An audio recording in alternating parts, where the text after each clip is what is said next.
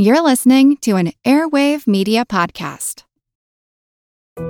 We all know how important it is to keep your eye on the money, and not just your own.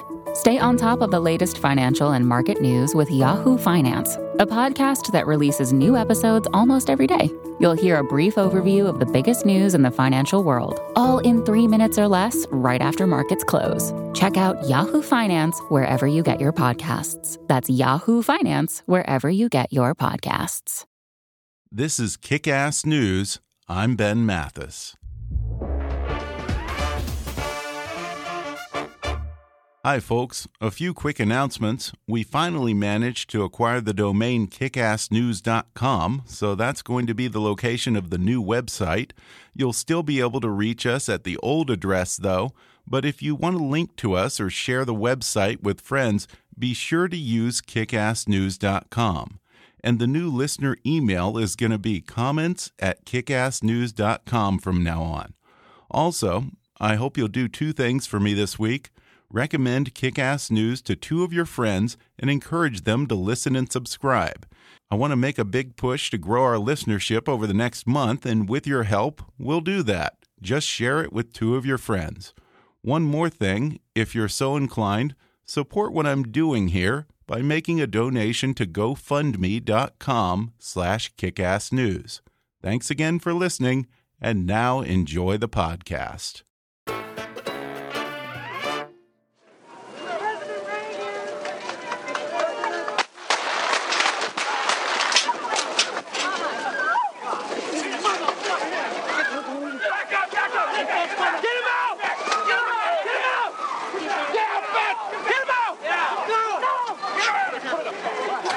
President Reagan was the target uh, of an assassination attempt outside the Washington Hilton Hotel as the president emerged from making a, uh, speech inside the hotel.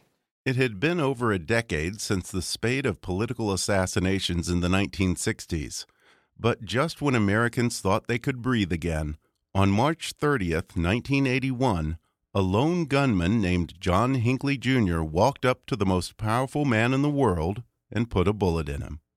The story of the attempted assassination of Ronald Reagan and the months immediately leading up to and following the crisis are depicted in a new television movie based on Bill O'Reilly and Martin Dugard's number one bestseller, Killing Reagan.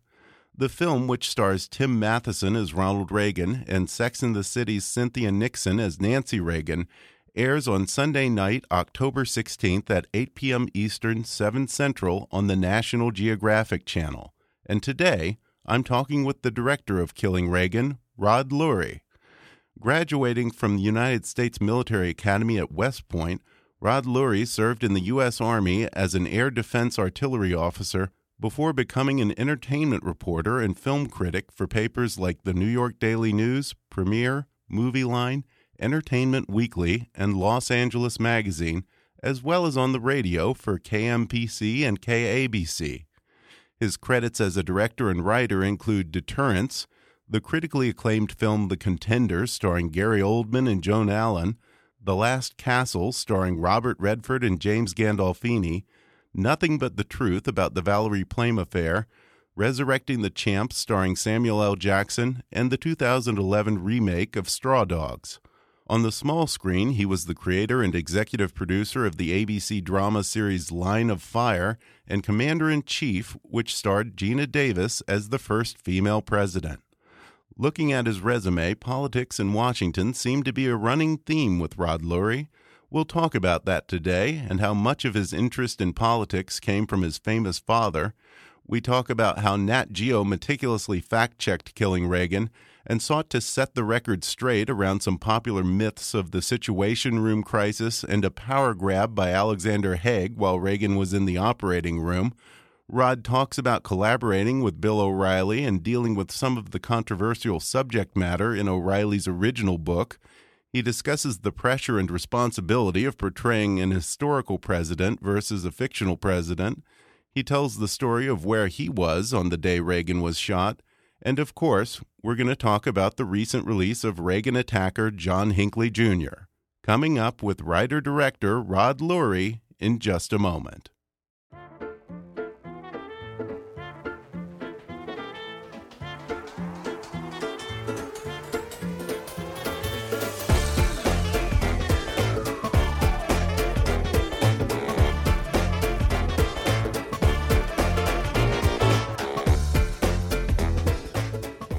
Today I'm chatting with Rod Lurie. His credits as a director and or writer have included Deterrence, The Contender, The Last Castle, Nothing But the Truth about the Valerie Plame affair, Resurrecting the Champ, Straw Dogs, and the television drama series Line of Fire and Commander in Chief, which mm-hmm. starred Geena Davis as the fictional first female president. Now, Rod Lurie is returning to the White House with a new film based on Bill O'Reilly and Martin Dugard's book, Killing Reagan, which stars Tim Matheson as Ronald Reagan and Cynthia Nixon as Nancy Reagan. It airs this Sunday, October 16th at 8, 7 Central on National Geographic Channel. Rod, thanks for coming on the podcast. Here I am. Here I am. Very happy to be here. Well, first, I want to acknowledge the fact that, as far as I can think of, while we've had defense secretaries and generals and national security advisors to the president on, I think I could be wrong, but I believe you are the first West Pointer to Is come on the show. Okay, well, there you go. Yeah. Now, You- and maybe you've had some Annapolis guys here, which you wouldn't want to tell me.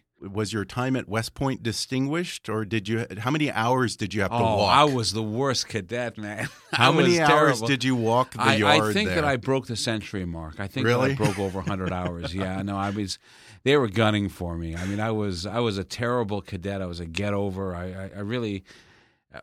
The military, uh, I don't. My dad is a big military guy. He was in the Right, Israeli military. right. He was a tough ass. But I, Right. um, Ron Ranan Lurie. Ranan Ron- Lurie, Ranan right? Lurie? He became a you know he's a war hero, and and and he was so excited when I went to West Point, and uh, you know I didn't have I did not have a distinguished cadet career. My grades were okay, but the um, as a military guy, no, I lasted uh, just a few years in the military. Then I was out.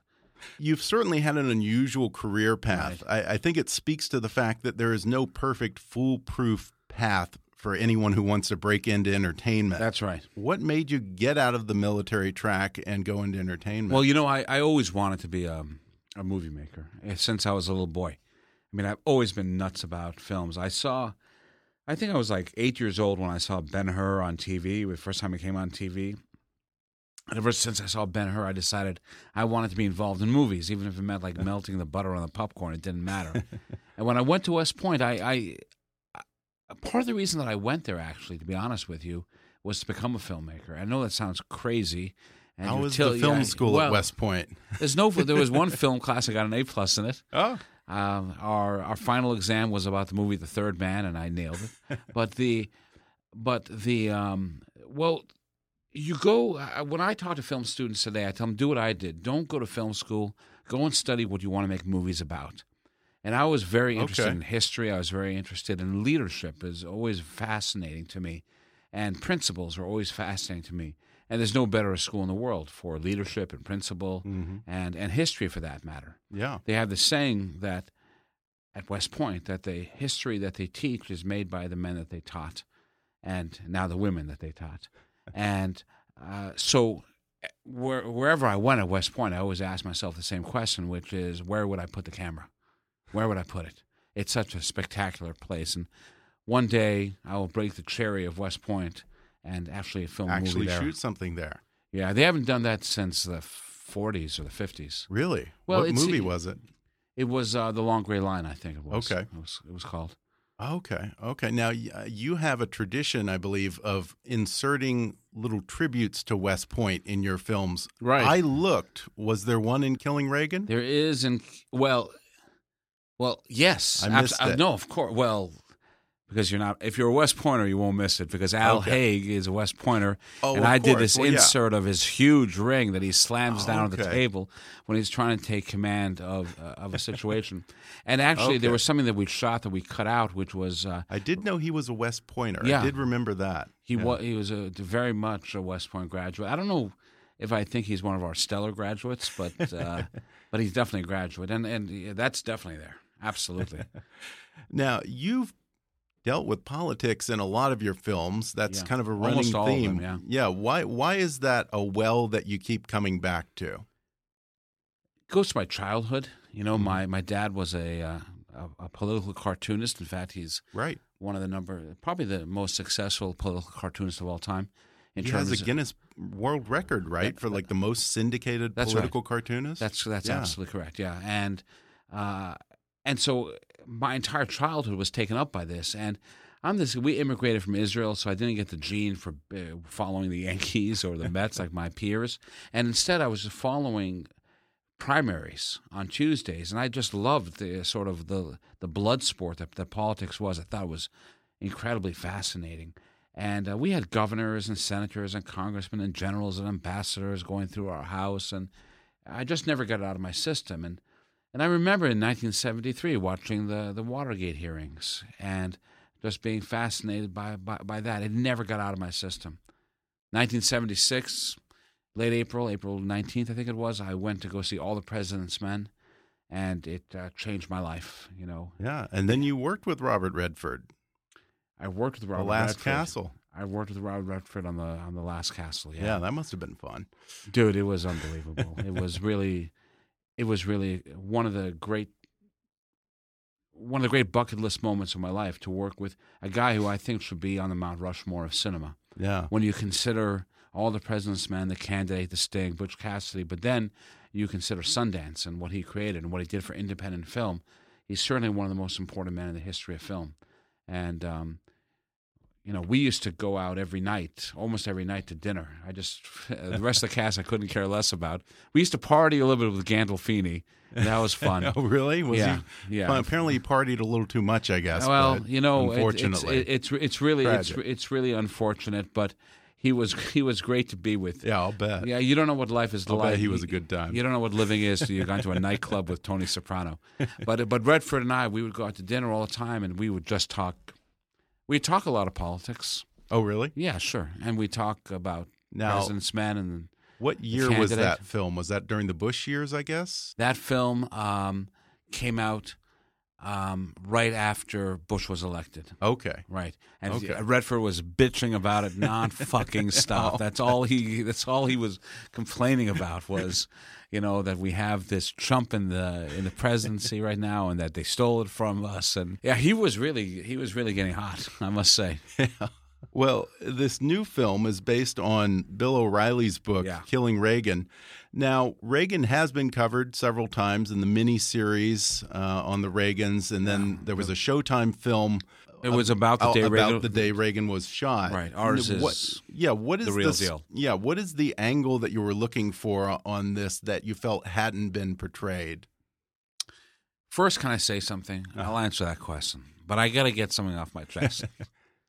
and that is, you said it's Bill O'Reilly's Killing Reagan. And Martin Dugard. and Martin Dugard. Right. Sure, he's they're both they they write fun books. Yeah. Those books are fun. If you ever read them, they're fun. They're they're very readable, and they deserve to be bestsellers. And I think they've done a lot of good in that they've introduced history uh, b- back uh, to to a population of people who might not normally be reading them, right? Yeah. And but my agent calls me, and you have to understand first of all that li- I don't know if liberal begins to describe what I am, but you know I'm very ensconced in liberalism and in being a Democrat and being a good Democrat, and um, and so my agent calls and says, uh, "Bill O'Reilly, killing Reagan. You interested?" and I wanted to fire the guy. How is it? He's calling me and asking me if I want to do a Bill O'Reilly uh, thing. And he said, "Look, look, read the book and read the read the script, please. Yeah. Just just do that." So so I did. persuading. I did, and, and I'm going to tell you something about O'Reilly, who I uh, I don't agree with a thing Bill says, g- generally speaking. But the book was nonpartisan. Mhm. It did not go easy on Reagan at all. In Yeah. fact, it it, It made some some very controversy. It made, it made some very controversial claims. But it dealt with his womanizing before he was married. I mean, it was not. He, it, this was not a canonization of, of Reagan. I got to give Bill credit for, for that certainly. And the script, which is written by a guy named Eric Simonson, who's also a a lefty, um, you know, th- there was just none of this turning him into in, in, into a saint, and it Yeah. seemed to be uh, a very appropriate tick-tock of of what happened in the three months before the assassination, the assassination, and then the three months after. And I thought this is something that uh, that I could do. Yeah, and I, I confess that I haven't read the book. Right. You know, all of his books seem to reach number one bestsellers, and I did watch the film. My question about Bill is: Is he some kind of a sociopath? What is this obsession What do you with killing? killing Jesus, killing JFK, killing Patton, I- I killing Reagan. What is? I don't think he's. A, I don't think he's a sociopath. What I think is he's a. What is he- with the killing? No, no, he's not a sociopath. He's a capitalist. Sometimes, it's- Okay. sometimes it's the same thing. and he found a winning formula. Okay. Look, Bill used to be a history teacher. I don't know if. He, uh, Oh, I didn't know that. He used to be a history Really? teacher. Yeah, and and I think that you know he has this yen to teach history, and it's it's interesting when we were get on the phone with him, he would give us little history lessons about the about the Reagan years, and you know, I really wanted to not like him, but he's really kind of an entertaining guy, and he's very affable, and he's always. I've asked him for a couple of favors that he's delivered on, and so I gotta say, you know, okay, and I and I got a good job out of it. Now, what was Bill O'Reilly like to collaborate with? Was I can't imagine he's someone who's easy in a notes meeting. He's not bad. Yeah? he's not bad. No. Okay. No, I mean, uh, when I came on, the screenplay had already been written, which is sort of an unusual thing for me because I almost always write write my own things. And he, uh, he did have some suggestions about the screenplay, and he had some suggestions about the movie itself, particular in particular the ending of the movie. Uh, but I'll tell you, the the one really fascinating day was the day that Bill O'Reilly came to set. Bill O'Reilly comes to Hollywood. Yeah, well, it was in Atlanta, which is now which now basically is Hollywood. We're doing the the scene where Al Haig is in the press room saying, "I'm in control here," and there are like forty or fifty people there, uh, reporters. That means there are forty or fifty extras. And these are extras from Atlanta and Georgia, right? and so O'Reilly just walks into that room, all seven foot four of him, whatever he is, and you would have sworn that Jesus had walked into the press room, you know, because these they're all these middle aged white guys, and you know, and they're all reaching out. They want to touch him. They want his autograph. They want questions. They're they're completely blown away. And um, Bill's first instinct was to do a Q and A with these guys. So let's do a Q and A. He's very nice. He's generous to his fans. So he took over. He no. literally took over the No, White House no, press room. He he didn't. He didn't. Uh, in fact, he. Um, uh, we told him we, we we didn't have time to do uh, any sort of question and answer because they would go on forever. Those guys would, Yeah. would bombard him Oh, nonstop. bet. You know, you've directed, I think by my count, films portraying six different fictional movie presidents. That's right. Is that right? Yep. Did you feel more pressure or responsibility in taking on a historical president?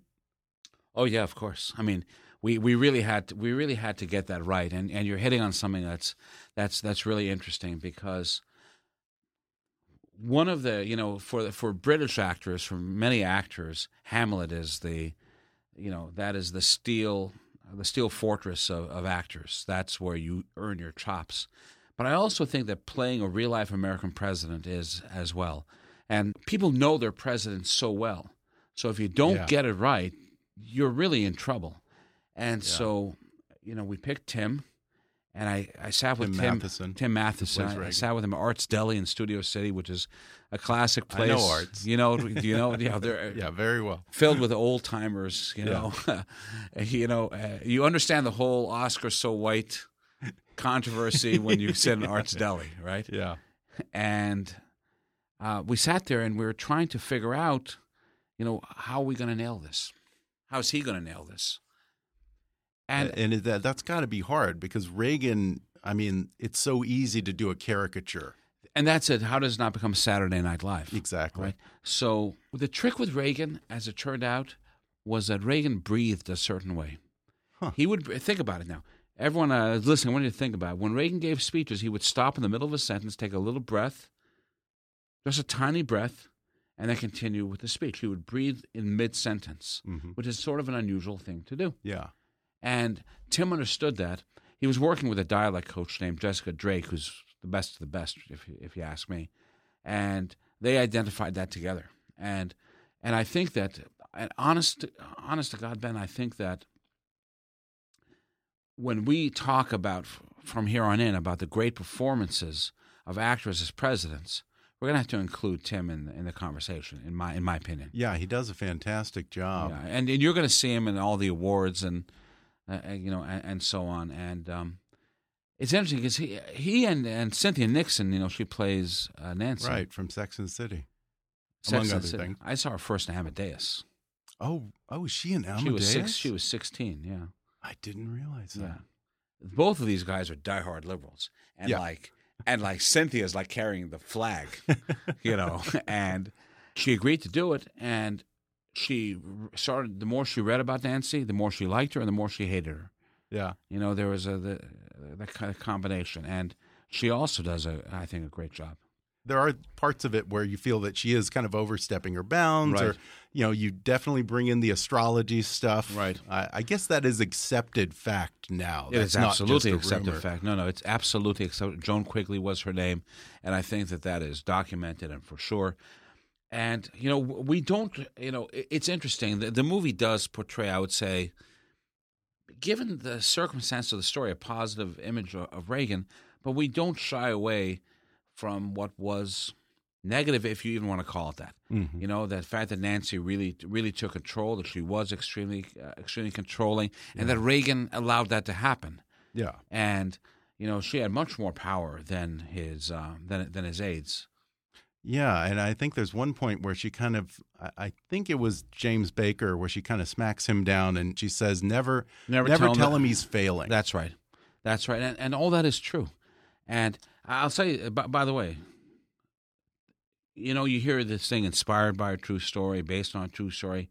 This is true story. hmm I mean, we re- Nat, Nat Geo is really anal about this. They've Oh, got I'll bet. dude they've got more researchers on this and they have people working on the manhattan project they were all over all over us from beginning to end you know no this guy you know the owner of the gun shop where hinckley bought the gun in dallas had a son not a daughter and we were you know it's Wow, yeah, wow. They could, yeah, they crossed their T's there. I bet. yeah or the other way around whatever is in the film is what's right but i'm, I'm not sure Well, since you brought up Hinckley, I want to talk about that because I've never really known that much about John Hinckley Jr., but of course he's back in the news now since his release. Mm. Yeah.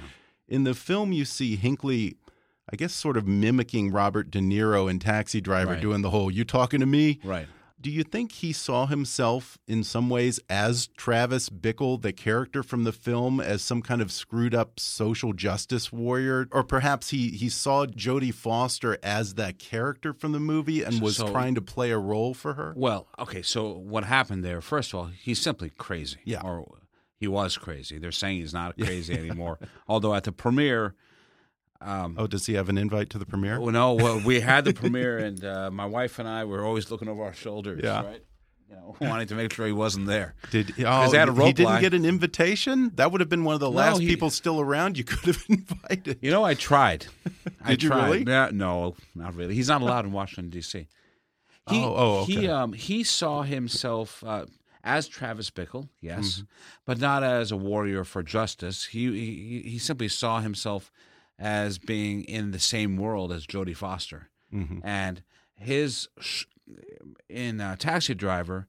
Travis Bickle tries to shoot uh, Governor Palantine or Senator Palantine Right. who's a presidential candidate. And so he sees that as uh, similar to the path that he's going to take. He's going to shoot a president. But you know, on the day of the assassination, he had many courses of action kill the president, Mhm. kill Senator Kennedy, Ted Kennedy. Yeah. That was an option.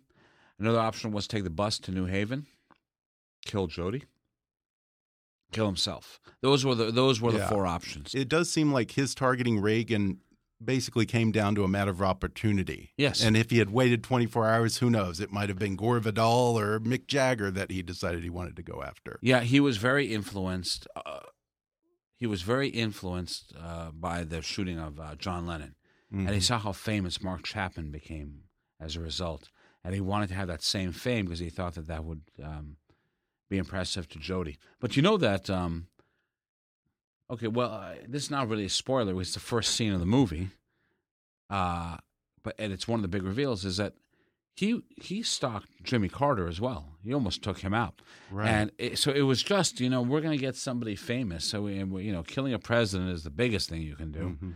You know, um, maybe I'll go after, you know, if, if Paul McCartney was there, he would have gone after McCartney, Yeah. I suppose. Uh, Just So like he didn't said. really have anything against Ronald He Reagan. had nothing against Ronald Reagan. It was just he was looking for a celebrity that would impress Jodie Foster and Reagan. It's ironic that Reagan seemed like the soft target to him. Right, he was the, is. president of the United By, States. by the by the way, so much for um, the best way to stop a bad guy with a gun is a good guy with a gun because that, there are a lot of good guys with guns there. Right. And Hinckley got off. Hinckley, who is a schmuck of a marksman, got off six shots in four seconds. Hit- yeah, and four people got hit. They- By the way, he wasn't aiming at them. The, the bullets were flying. And um, the bullet that hit Reagan didn't even hit him. It ricocheted off his limousine right. and uh, and um, and went into his left chest. We're going to take a quick break, and then I'll be back to talk more with Killing Reagan director Rod Lurie when we come back in just a moment.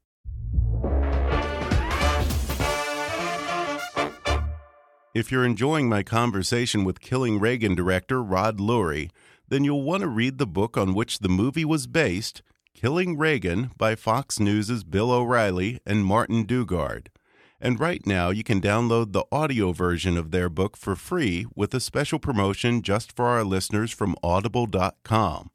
Just go to audibletrial.com slash kickassnews for a free 30-day trial and a free audiobook download, which can be Killing Reagan or any of Audible's 180,000 titles. That's audibletrial.com slash kickassnews or click on the sponsor link on our webpage to download the free audiobook of your choice. And now, back to the show. When Reagan was in the operating room, a lot has been made of the supposed situation room crisis. There was a previous movie called The Day That Reagan Was Shot where they focus almost entirely on that. This mm-hmm. idea that supposedly we nearly got into a nuclear war when Reagan Right. was under the knife.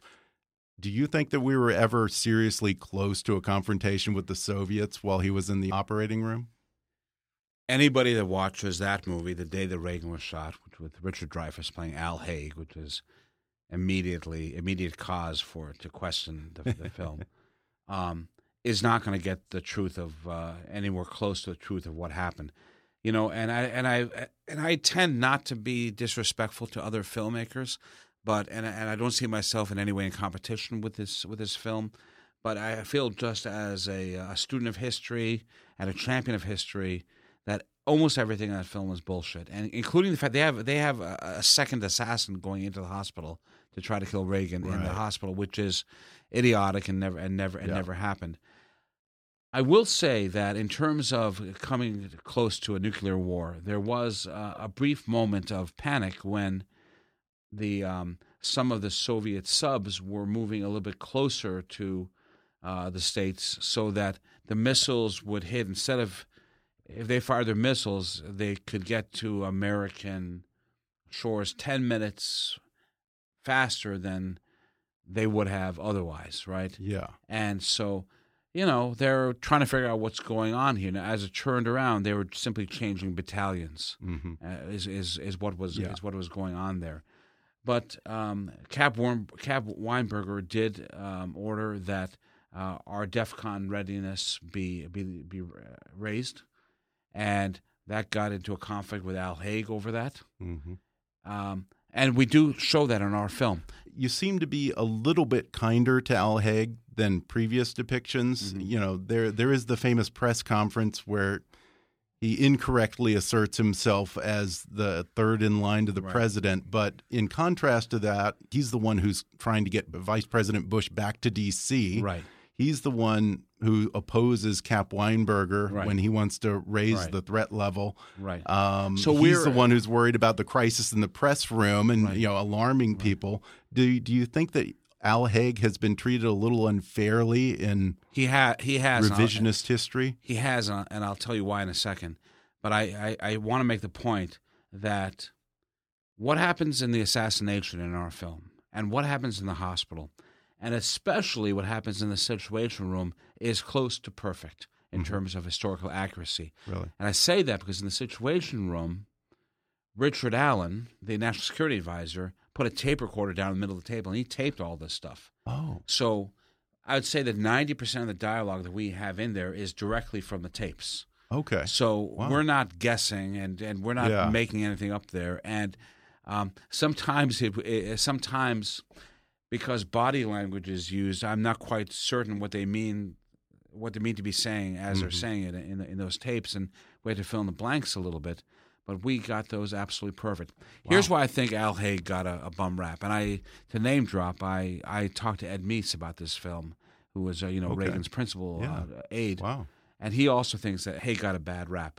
Here is what Haig says up there, and he he was not wrong when he went up on that stage and said, "As you know, this is the way it goes. It goes from the president to the vice president Mhm. to the secretary of state. As uh, I am in control here at the White House. Okay, Okay. now." We, what we know is that succession is president, vice president, Right. speaker of the, Speaker House, of the House. president pro temp, Yeah. Secretary of State. He was talking about who's running the show at the White House is what he was Okay. talking about. Okay, and that is why. And and um, uh, Patrick uh, Saint Esprit, Saint Esprit, who plays Haig, just great in the movie. Yeah. Yeah. He mimics him exactly as he said it, and he said it like this. I would just want you to listen to my intonation. I am in control here at the White House. He's not saying I'm in control of the United States. Okay. He's saying in So that situation room, I'm the guy, and I'm gonna be I'm gonna be running the show down there.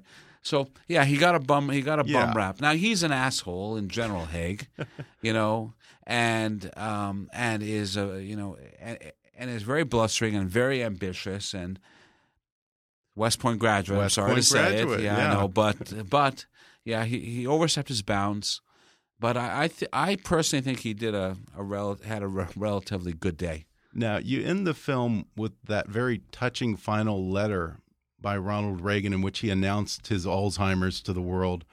The source for the film Killing Reagan, the uh, the Bill O'Reilly Martin Dugard book, Here we go. attracted a good deal of controversy. You know it was coming because Bill O'Reilly asserted that Reagan was showing signs of Alzheimer's while he was still in the White House. Now, Right. you left that out. Yes. Um, was that a conscious decision by Nat Geo to respect the Reagan legacy? Was that just uh, a matter of it didn't fit into the timeline you wanted to portray? First of all, I I want to say this really carefully because I this movie is definitely based on the Bill O'Reilly book, and Eric Simonson. That's the way I'll put it. Eric Simonson based his screenplay on Bill's book, and I based my movie on Eric's screenplay. Okay. right?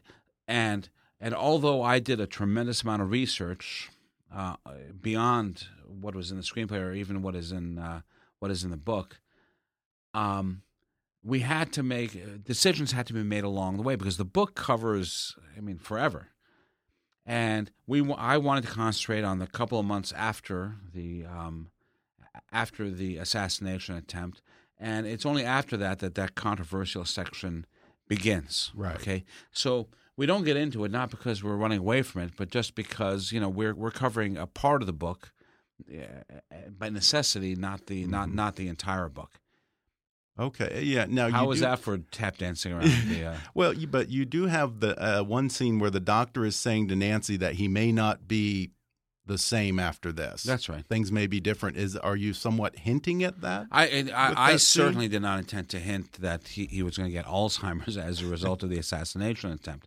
I think what the doctor is saying, uh, I know what the doctor is saying, is Mm-hmm. that he's going to be much weaker. He's going to be physically weaker, Okay. and Okay, a ma- look, a man of seventy takes a bullet Yeah. and goes under for that long. It's going to have an effect on him, and and in fact, it did have a, he did it did have an effect on him. In the book Veil, written by the great Bob Woodward, they talk about how Reagan was actually using um, oxygen masks in the White House for a long time Mm-hmm. Really? after the um, after the assassination attempt. Now, Hinckley was released, as we said, from a mental institution, I guess about a month ago. Mm-hmm. Right. Uh, 35 years after his attempt on Reagan. He was clearly in the film, you see a mixed up, mentally disturbed young Right. man, a troubled, almost a troubled teen, although he was older than that. Played by Kyle More, by the way. Yeah. Great performance. Yeah, yeah, excellent. Now, do you think that it's about time? I would say this is he was found not guilty by reason of insanity. Mm-hmm. And the court said he's going to be kept in a mental facility until such time that he's I, I don't know what the exact wording is, but the cliche is not a danger to himself or to society, and that's really where he is. He's sixty something right now, and uh, the truth is, I, as a taxpayer, I don't want to be paying his tax. I don't want to be paying for him to be in this hospital anymore. You know, let him get out of our lives as taxpayers. He's living with his mom.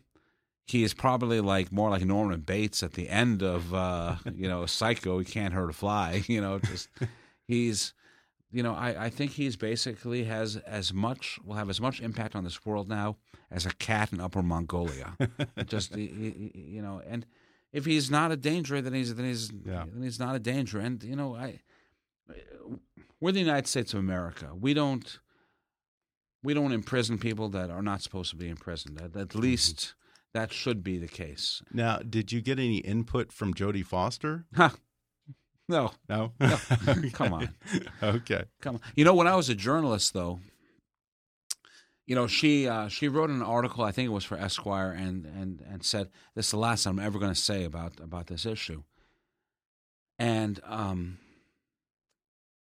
when I was a journalist, uh, I interviewed her once uh, when Silence of the Lambs came out, and and um, I, w- I vowed I was going to get her to talk about it, and I and I asked her. I said, "Listen, you've had you're playing an FBI agent. You have had experiences with FBI agents. How does this lead with in. the experiences that you had, thinking that I would open the door?" And somehow she really expertly shut that door down, and I never I never really got got beyond that. By the way, you know, she a little controversy with her too because she had What's told the FBI that she had never spoken to Hinckley ever, and she was an 18 year old girl when she does this, and she may have been scared or may, may have Yeah. honestly forgotten, but she spoke to him a couple of times, and uh, spoke to him on the phone. Yeah. And actually, he came to visit her at, at Yale. We show that in the movie. He didn't Right. physically contact her, but he went up to her dorm room and he left notes, and it was kind of creepy. And she turned those notes over to the dean, but she had two phone conversations with him, Huh. and she knew his name because he, he said to her, "There's one conversation that goes like this." He says, "Hello, Jodie." She goes, "Who's this?" He goes, "John." She goes, "Like John Hendricks?" And he goes, "No." She goes, "John Hinckley." And he goes, "Yeah." And then she goes, "Oh no, you got to stop calling me." Yeah. What she didn't know was that Hinckley had tape recorded the conversations, and those tape recorded phone calls were found in his uh, in his hotel room at the Park Central Hotel. And those tapes, you can go online and hear them now. And in fact, the um, in fact the conversations that John has with Jodie are fairly representative of exactly the conversations that he had with her. All that I want to know is I would love to have been there to see the moment when he gets out of a mental institution 35 years later and finds out that Jodie Foster's a lesbian. Well, I, you know, you know, Yeah. After all that. I know. Well, apparently he found that out a long time ago. And if I, I, you know, you go ahead and you put, you everyone go and Google John Hinckley lesbian, and you'll see all the stories of how pissed off he was. That you know, for all that, you know, I should have gone after Kristy McNichol from Family or something. You know, Well, you know, you didn't release this film in the middle of March, you know, or some other time. No. We're a month from the election. Uh, very much on purpose. Yeah. Were there parallels that you wanted people to draw? Were there things you wanted people to be thinking about as they watched the film? The thing I want them to think about is gun control and mental health. Mm-hmm. You know, as I said before, all those good guys with guns didn't stop this maniac with it with a gun, who got the gun very easily. Not as easily as he can get it today, but he got it very easily, right? And he he was arrested. He was arrested with guns in Nashville. The guns are confiscated. It goes into a database of some kind. Car- it's the same day that Carter was giving his uh, rally in Nashville. And then a month later, he buys them and buys new guns in Dallas, just like that. Mm-hmm. All right. The ease with which we get guns is atrocious, and uh, people who don't understand uh, keep screaming Second Amendment as if simply preventing criminals from getting guns or the maniacs from getting guns is somehow going to mean you're going to lose all you know your little revolver or the rifle you go shoot ducks with.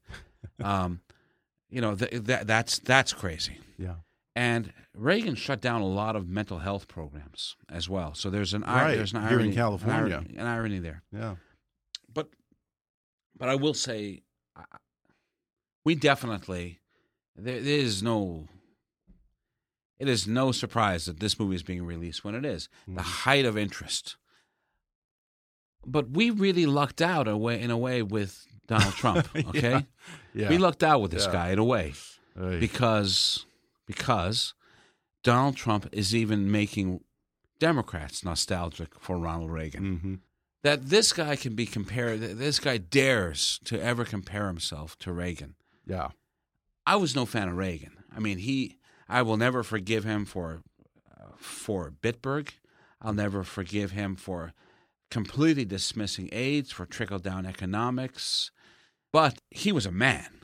Do you remember not long ago when the Secret Service jumped up on the stage that Trump was in because somebody was trying to get up there? And I thought Trump was going to wet his pants. Maybe he did wet his pants because he's wearing a dark suit. You know, he behaved like a little girl up Yeah. there. And Reagan gets a bullet in him. and as he gets to the hospital and they say, Come on, Mr. Reagan, and we're going to carry you. And he, he, he stands up, he buttons his jacket. By the way, we got that exactly right Yeah. also. Yeah. He walks in and waits till the doors behind him have closed before he lets Mother Nature collapse his body. Yeah. That's a man. Okay. And he's Yeah. making jokes. And why is he doing this, Ben? He's doing this because he knows that the country is going to freak out. Right. He didn't soil his pants like Trump might have. This guy who took five deferments from Vietnam because he had a bone spur or and he wanted to go to, you know, and said that, oh, I don't like Trump, by the way. But Really? Yeah, I don't like him. And, you know, and I would take Reagan any That's day. right. I, I prob- don't- I might take Reagan over the other one, too. But I think I would take any president. I would take the worst president. I'm trying to think who that would be over Trump. Nixon. Nixon or Warren G. Harding. I don't know. Yeah. if you want to go farther back. Whatever. But his people love to say, "Well, our guy Trump, he's a lot like Reagan. Reagan wasn't, uh, you know, a political expert and all these things. That's so right. you It- don't see all of Well, these he nonsense parallels they He- draw. no. you know, I, I, okay, here's something else I like about Reagan. And, and I really mean this. As wrong as his ideas were, he was sincere about them. You know, they he really he, he was a strong conservative, but he really believed in it. And he could give humorous examples and he could win people over with some level of uh, uh, some level of logic. You know, Trump says he's going to build a wall, says he's going to ban Muslims, and it's you know he he's a pure. I don't know whether he believes it or not. I don't care. He's a pure demagogue. He's appealing. Yeah. Reagan appealed to the best in us, and this Mhm. guy appeals to the worst in us. Yeah. I think. You know. Yeah, and you know, it's like I uh, off mic before we started. I was telling you I had Michael Reagan on a while back, Yeah. and he was like, "Why does everyone want to be my dad? Right. My dad didn't want to be Eisenhower. You know, why does everyone on the Republican side want to be a president from 30 years ago that couldn't possibly relate to the problems we're facing today?" I think you know what It's I absurd. think after this election, when when he loses and he's going to get trounced, the name Donald is going to be retired. It's going to be, be like, like Adolf. It's, going to be like Adolf. you know, like no one's going to know except for these a few of these hillbilly loonies. You know, uh, you know when I saw Reagan at that debate, I, I was looking. Tim and I were just looking at Tim Matheson. I were just looking at footage after footage after footage, and there's that great moment where at the debate where he says to whomever, "I'm paying for this microphone," Right. but he does it with such dignity and like Yeah. you know, and he's he, he's Yeah, he's not belligerent or petty about it. That's what he wasn't. You Yeah. know, I kind of you know, I like him. What can I tell you? He's a he's a, he's he's a he's a he's a decent guy. Yeah. I met him once when I was a Really? kid. Yeah, he came. kidding. I was cadet at cadet at, at, at West Point, and he um he was the he was the speaker. Um, are you old enough? Were you alive when Reagan I was shot? alive. when he was Uh, shot. I wa- yeah, I think I can barely. I know I remember the Challenger disaster, and I'm pretty sure that I can vaguely remember when he was Yeah. shot. I, to me, I'll, I'll, uh, I don't think I've shared the story with anybody. The, I was in my room at what you know at the academy. I think I was studying. That's what the only thing we do, and that and push-ups. And a kid, another cadet, uh, Craig Hogan, Remember it very well. Redheaded kid burst in my room and said, "The president's been shot." My first instinct was to put on my coat. It was like 60 degrees outside, and I went to Trophy Point, which is this beautiful area where just go to think sometimes. And there was another cadet there weeping, and it was Mike Meese. He was a, a senior cadet. He's the son of Ed Meese. Wow. And I so distinctly remember having this conversation with him. I'm a plebe, I'm a freshman, supposed to be being hazed, but this was no time for that. And I remember that that that we were talking together about it, and What did he say? I think he was just talking about how saddened he was and how what a great man he was, and I, I think he called him Dutch. You know, I, I it's a long time ago now, but uh, that that's my that's my recollection. But it was very very profound. You know, Wow. you know you can imagine. Yeah. You can imagine. The only time I ever voted Republican was in 1984 as a young second lieutenant No kidding. voting for yeah. What was it that made you vote Republican that year? I was 22 years old. I was very young. That was so I was that would be I the second time you voted. Second, for I voted for yeah, I voted Okay. for John Anderson the first time, and and I um and I remember um being being impressed with the guy. I mean, after the assassination attempt, um, I, you really you know his popularity rating went through the roof. Yeah. And you know, I'm a I'm young, I'm impressionable, I'm in the military. Um, he'd gone after Grenada, that was kind of cool uh, to us anyway. and he spoke at the graduation. And then a few months later, it's him or Walter Mondale. Yeah. And Mondale was like, uh, kind of like looked like a walrus to me. It just it, it just wasn't any there there. Yeah. Now I learned my lesson very quickly. You know, after Iran Contra and Mm-hmm. and AIDS and and and all this stuff, and that was the last time I ever pulled a lever for a, a Republican in any race whatsoever, as far as I recall. Yeah. Okay. Now, before we go, I want to mention again you also created the ABC series Commander in Chief, Right. which portrayed the first fictional female president, played by the great Geena Davis. I'm assuming you think that we are finally ready for a woman in the Oval Office. Yeah. You have any Yeah. advice for uh, the first female president? Based on based, Based on, on that? based on a TV series. based well, on you know, I got based on a fictional TV series. Do you have any any advice for the former uh, Secretary of State who will soon be president? That she might I, find here, useful. here's uh, I, I have advice for her in in particular. Okay, I think she needs to get Bill out of the White House. She needs to, she needs to Really? Bill, and I got an idea. He can be ambassador to Israel, or Okay. or a special envoy to get the Palestinians and the Israelis. That, that you know that has been his life's dream was to bring Middle peace East to the Middle East, yeah. and maybe now he can he can still do it. And the last thing she needs is this distraction. But I will tell you something about Commander uh, Commander in Chief and Yeah. Hillary b- before and and Bill before we end. You know, I got fired from Commander in Chief. It was uh, one of the saddest moments, uh, certainly the saddest professional moment of my career. And after I got fired, Steven Bochco turned uh, came on, and let's just say that Steve and I have different ideas about feminism, and it was so fascinating when he took over. Everything about it changed, and all of a sudden, the Geena Davis character now has to look over to her husband to get a nod before she makes a decision. It was really, Right. truly bizarre. Yeah. And you know, noticed it became a show about why we should have a female president to why we should ha- not have a female president Mm-hmm. in, in a way. But one of those things, one of the reasons why I think it's maybe not the wisest thing to have him in the House is Mm-hmm. because, you know, that if we want it to be an unfettered, pure presidency for for Hillary, I I don't. I, although I value his wisdom and so on, I think it should be sought. It needs to be very clear that she, and she alone, is our president. Yeah. Right. I don't want it to go into the commander in chief part two. Well, I don't think it's too hard to get him out of the house, probably. So No, no, no. you're probably you're not going to have to twist his arm too much. No, no, no. Maybe. Well, again, uh, the film is called Killing Reagan. It airs this Sunday, October 16th at 8, 7 Central on National Geographic Channel. Rod Lurie is the director. Rod, thanks for talking to me. It's really my pleasure.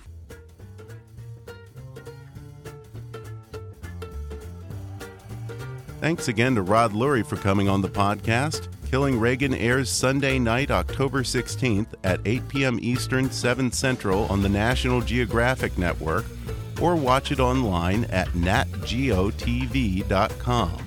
For more information about Killing Reagan, including clips and behind the scenes extras, go to channel.nationalgeographic.com slash killing hyphen Reagan.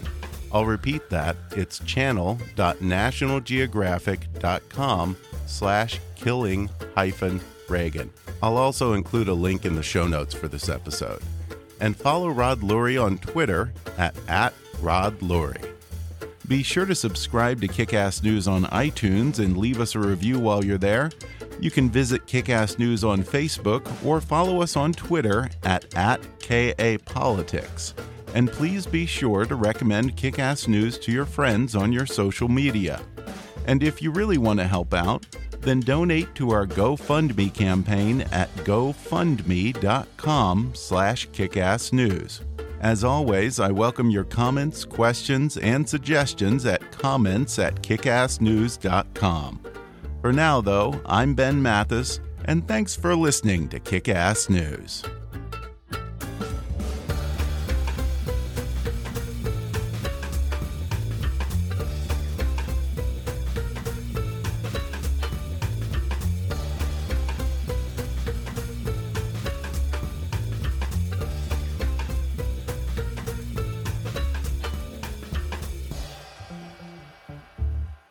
Kickass News is a trademark of Mathis Entertainment, Inc.